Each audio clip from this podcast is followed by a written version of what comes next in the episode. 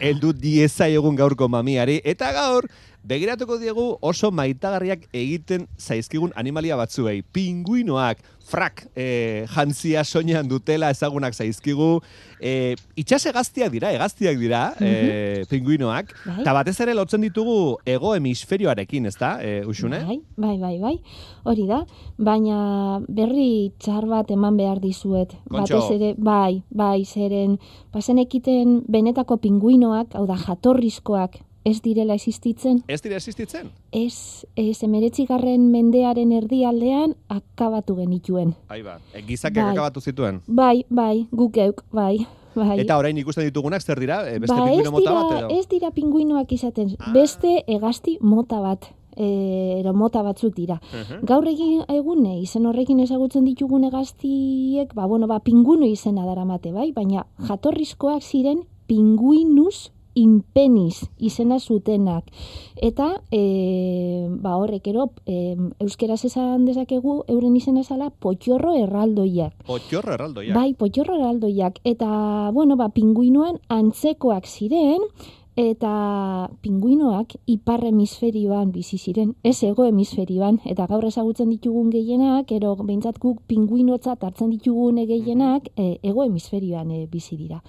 Bueno, zer daukagu gaur egun? Bueno, ba, ipar hemisferioan esaterako, ipar polo inguruan eta badaukagu hor, ba, e, txori batzuk, ero egazti batzuk, e, deitzen direnak potxorro txikiak, hau da, e, ale, ale izen zientifikoa dute, eta dira, bueno, ba, itxaso onduan bizi diren egazti txiki batzuk, hogei sentimetroko e, tamaina ero dutenak, eta pinguinoen oso antzekoak e, direla. Baina ez dira familia berekoak. Eta ego hemisferioan, bada, baditugu ere, egun ezagutzen dituguna, ba, e, pinguinotzat hartzen ditugun hainbat eta hainbat e, egazti daude, ez?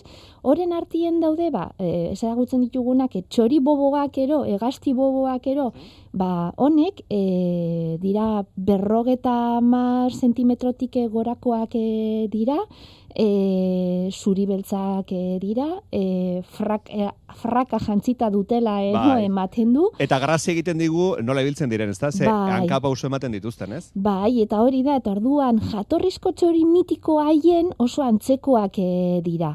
Baina ez dira ere pinguinoak. Ja. Honek esfenizidoen familiako txoriak ero egaztiak e, dira. Zer gertatzen da? Bueno, bai, iparpoloan daudenak, naiz eta tamaina oso txikiak izan eta, eta bueno, ba, e, desberdintxoak, eta ego hemisferioan bizi direnak antza dutela, baina ez dira familia berekoak. Ja. Zer gertatzen da? Bueno, ba, berdinak dira e, gauza batengatik, evoluzio konvergentea pairatu dutelako. Zer esan nahi du e, evoluzio konvergenteak? Bueno, ba, antzeko ezaugarriak dituzten e, bizidunak direla, baina prozesu evolutibo independenteak izan dituzte. Lauren artean ez dagoela harremanik, ez direla familia berekoak. Baina zer gertatzen da? Ba, bizi izan direla ingurune batzuetan non ezaugarriak oso antzerakoak izan dira.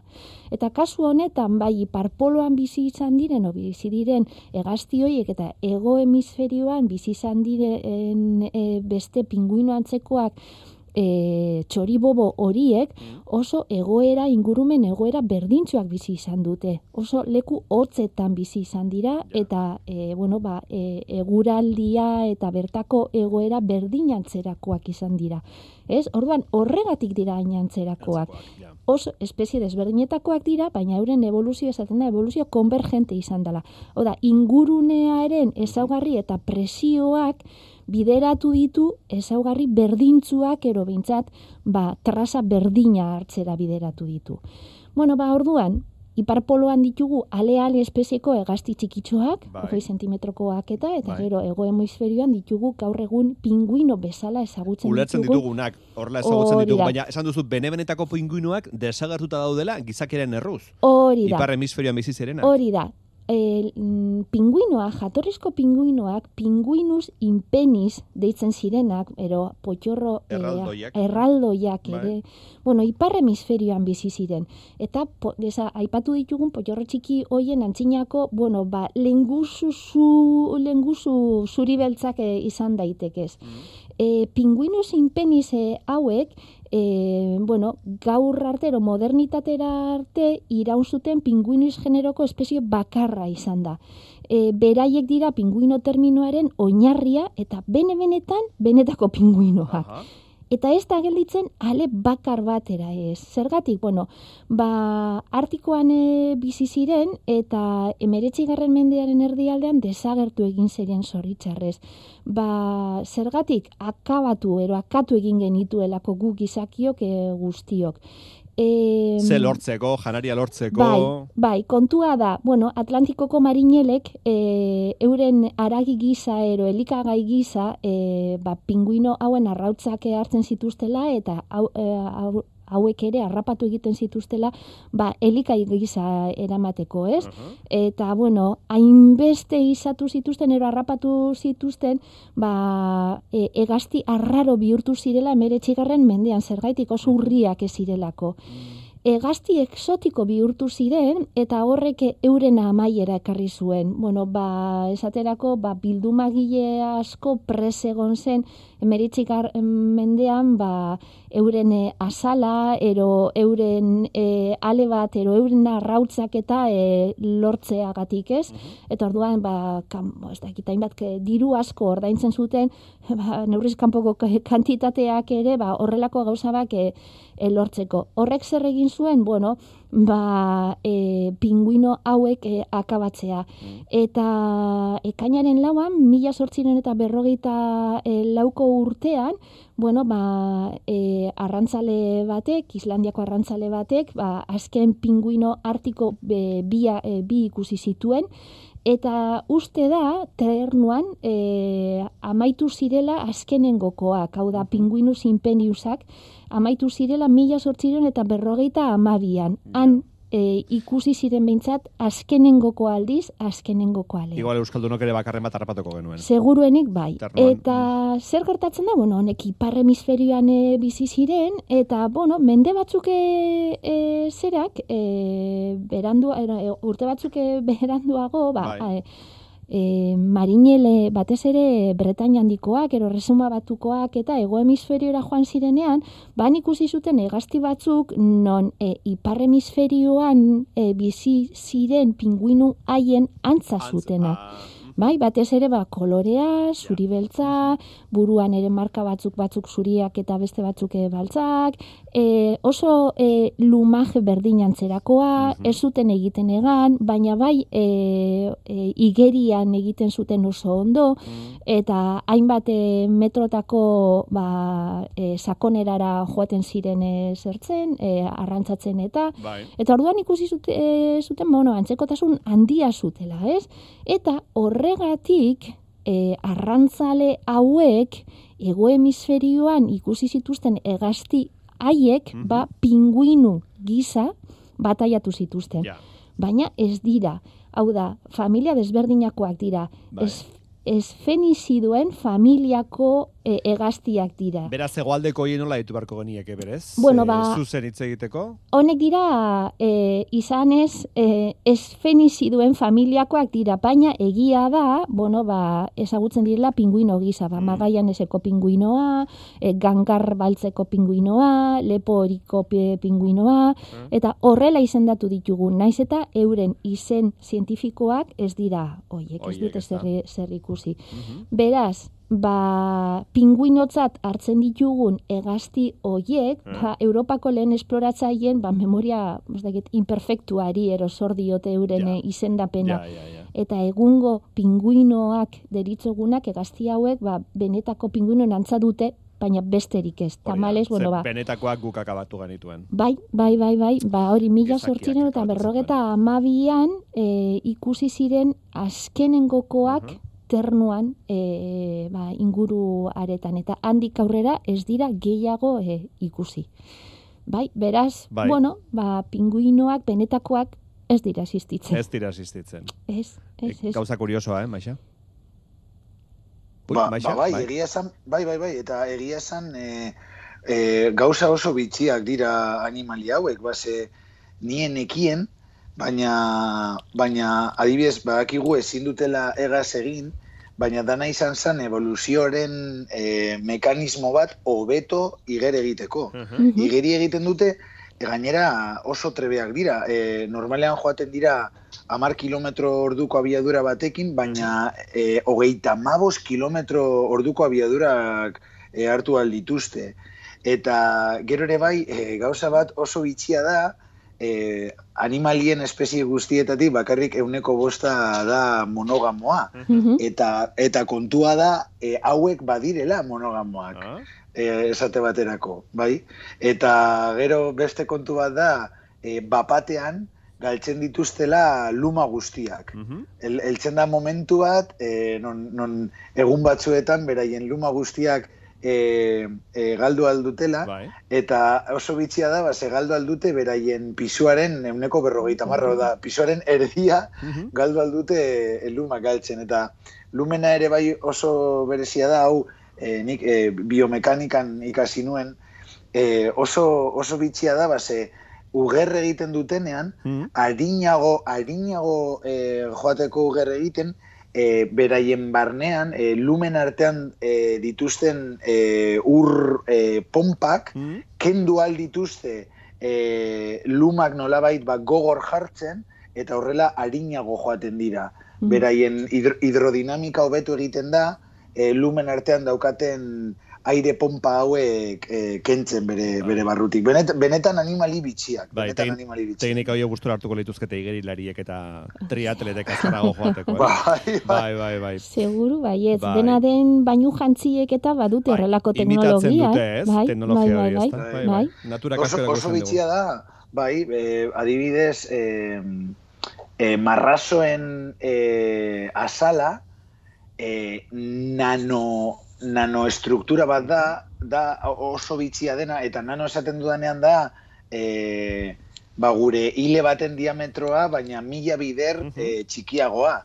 Ba, estruktura hain txikia oso berezia non super hidrofobikoa da. Hau da, zuk urtanta bat botatzen duzu marrazo baten azalean, Bai. eta urak ez du gustoko azala, hau da, e, beste alde batera joaten da urtanta hori. Eta zergaitik da importantea, ba, e, evoluzioa dela eta marrazoek garatu dute nanostruktura bat beraien azala, superhidrofobikoa dena eta horrela asko be arinago egin dezakete iger. Mhm. Orduan, joaten dira igeri egiten, eta, eta asko be harinago joaten dira beraien estruktura, gatik, beren nanoestruktura gatik, bera salan daukaten nanoestruktura gatik, beste animali batzuekin konparatuta.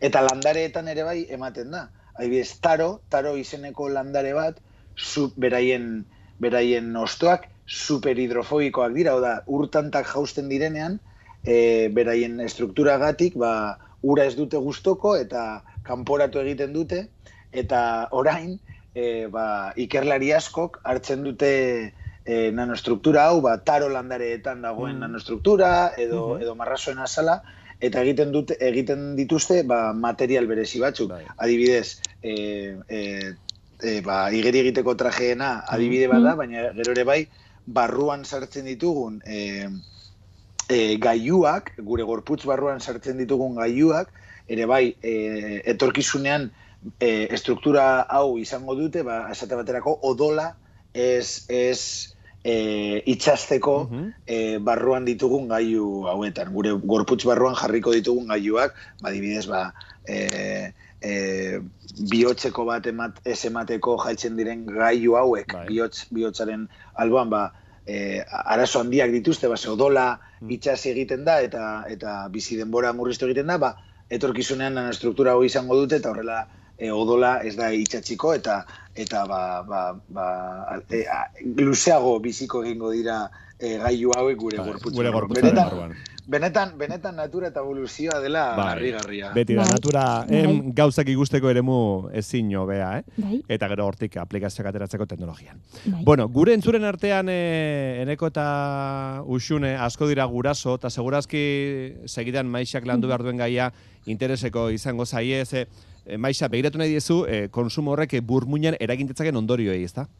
Bai, jama saikatri e, e, dau ba, aldizkari bat, e, psikiatriakoa, eta bertan agertu da e, ikerlan zientifiko bat, eta gona irakurtzen eta benetan interesgarria topatu dela, eta ona ekarri nahi nuen, eta kontua da, ba, ematen duela kanabisak nerabeen e, garatzen ari den burmuinean, ba, nolabait aldatu dezakeela. Batez ere, ba, erabakiak hartzeko alde horretan. Eta kontua da, hartu dituztela, e, zazpireun eta laro meretzi e, nerabe, Alemaniakoak, Frantziakoak, Irlandakoak eta Ingalaterrakoak. Ze adineko eta, gaztei buruzari gara, ze adin gutxi gara? Bai, ba, behitu, hasieran amala urte zituzten, eta ordun e, MRI makina batzuk e, erabili zituzten beraien burmuina analizatzeko, eta amalau urte zituztenean e, e, nera behoek guztiek esan zuten e, zutela marihuana kontsumitu, eta gero, bost urte geroago, emeretzi urterekin, bigarren eskaner bat egin e, zuten MRI e, makina hauekin, eta e, e, zazpireun eta laro gaita emeretzi nera behen e, artean, irureun eta irurogeita beratzik esan zuten baietz, hau da, iardiak, esan zuen baietz marihuana kontsumitu zuela, bai. eta e, ia guztiek, eneko irurogeita magostak, e, gutxienez amarralditan kontsumitu zuela e, marihuana.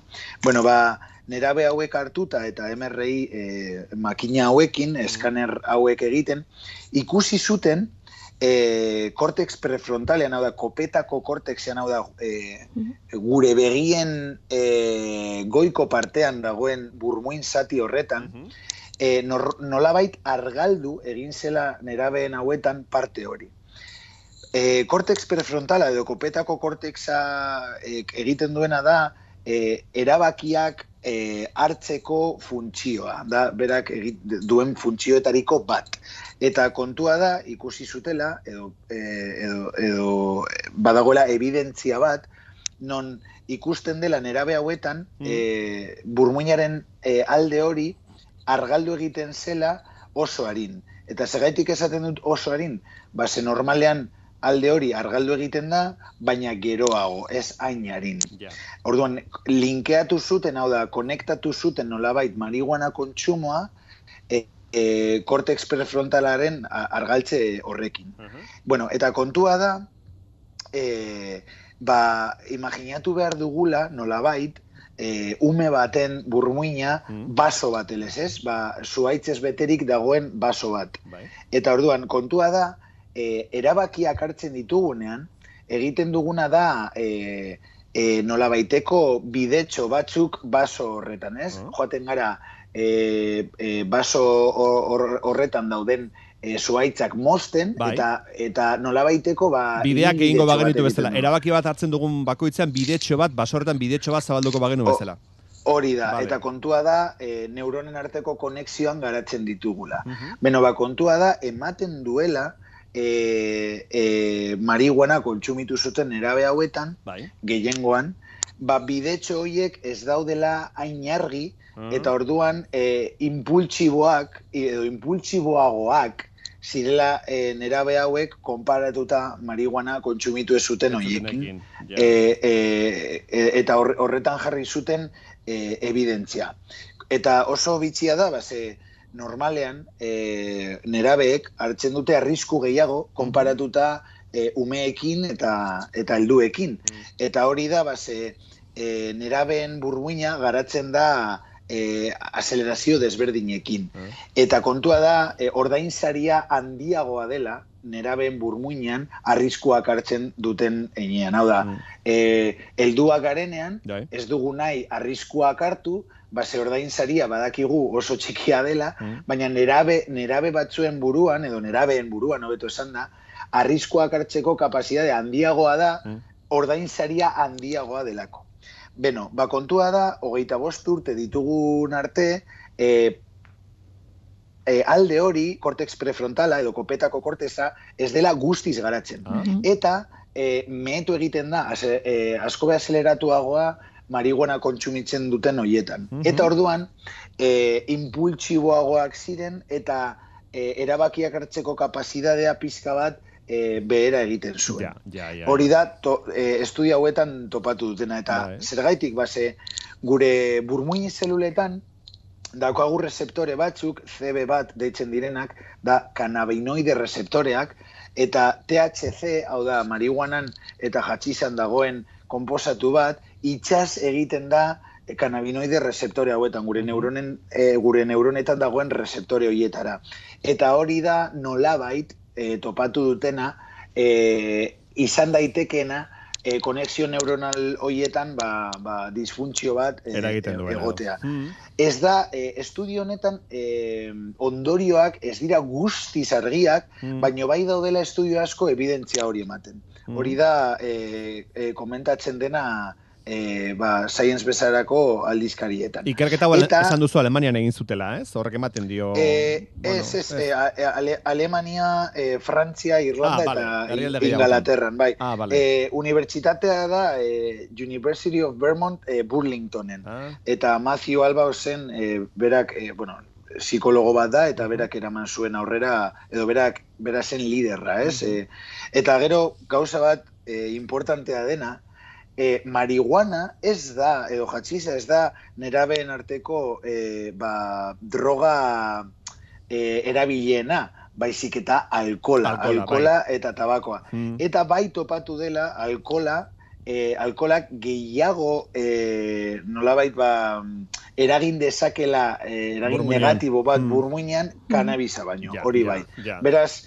eh, hori bai dela eh, garrantzitsua eh, azpimarratzea. Bai. Baina bai, eh, eh, gero ere bai, esaten dena da, le- ahalik eta, edo, bueno, gero eta harinago eh, edo eh, Zeba eta lehenago konsumitzen hasi, ez? handiagoa direla arriskua Bai. adik, adikzio bat garatzeko. Garatzeko. Mhm. Beraz, eh, gero eta informazio gehiago daukagu nerabeen burmuina eta eta kanabisaren eh, kontsumoaren arteko erlazioetan eta Bai. benetan benetan era, eh, Hortek aurrera guk informazio eman dugu, hortek aurrera ja gurasoi animo esango diogu. Ez da, kai erreza, ze gero guraso ez. baldin bazara, ez duzu egon nahi egun osoan zigortzaile paperean, baina, bueno, informazio hori ematea komenia, ez da? Nera behi azaltzea, Bai, ez? bai, bai. Base Bai. Ba- arazora egiten bai. dituen drogaren gehiizko konsumoak, eh? Marihuanarenak eta alkolarenak, esan du maixak ere, alkolarenak, ez da? Bai. Bai, eta batez ere, Esan esan maixa. ez batez Ah, bueno. ere hori be, zerak eh, enekok esan duen moduan, eh, kortez prefrontala Bai. izan ere, hori guzti zeltzeko denbora gehien behar duen, bueno, ba, Bai. eskualde entzefalikoa Ze dela. esan duzu, hori hogeita bost urte Hogeita bete bitartean garatzen ari da, bai, oraindik bai, bai, da? bai, ez da guztiz, zati hori, hori da, ez da guzti zeltzen gutxi gora bera adin tarte horretara Mhm, arte, eh? Eh, ba, pertsonaren eh, arabera, beraz, kontuan hartzeko Bai, gauza bada. bai. Bai. Bueno, hemen utziko dugu. Eh, bai, maixa besterik erantzen nahi zenuen, ez? Ez, ez, le, lenguan, lenguan, ez, eh, egon zara hitz egiten gurasoi buruz eta aurrekoan Atlantan irakurri nuen grafiti bat eh, eta pentsarazi ninduen grafiti Bai, horrek. zertzi horren. Esaten zuen, eh, badaude guraso asko eta guraso hauek egiten eh, edo- eh, beraien eh, zera, alaba eta semeengatik edozein gauza egin dezakete eta jartzen zuten. Edozein gauza kenduta e, ustea bere alabak eta semeak beraiek izaten, hau da, bere buruak izaten, ez? Edo bere buruak garatzea. Kapazak dira, edozein gauza egiteko Bai. hori izan ezik. Aha. Bai, bai, bai, bai. Bueno, Bueno, Eh, eh, zer pentsatu ematen du esan dio horrek, eh? Horia, horia, horia, horia. Bai, egon behar duzu pixka bat pendiente, baina gehiagir sartu gabe, ez? Bere espazio utzi behar diozu. Hor, horeka bilatzea da gauza guztikin bezala, ez? Baita, bai. E, usune, maixa, aste onona pasa, bikote, eskerrik asko. Berdin, ondo ibili. besar cada donde iba a Tabur, equipo.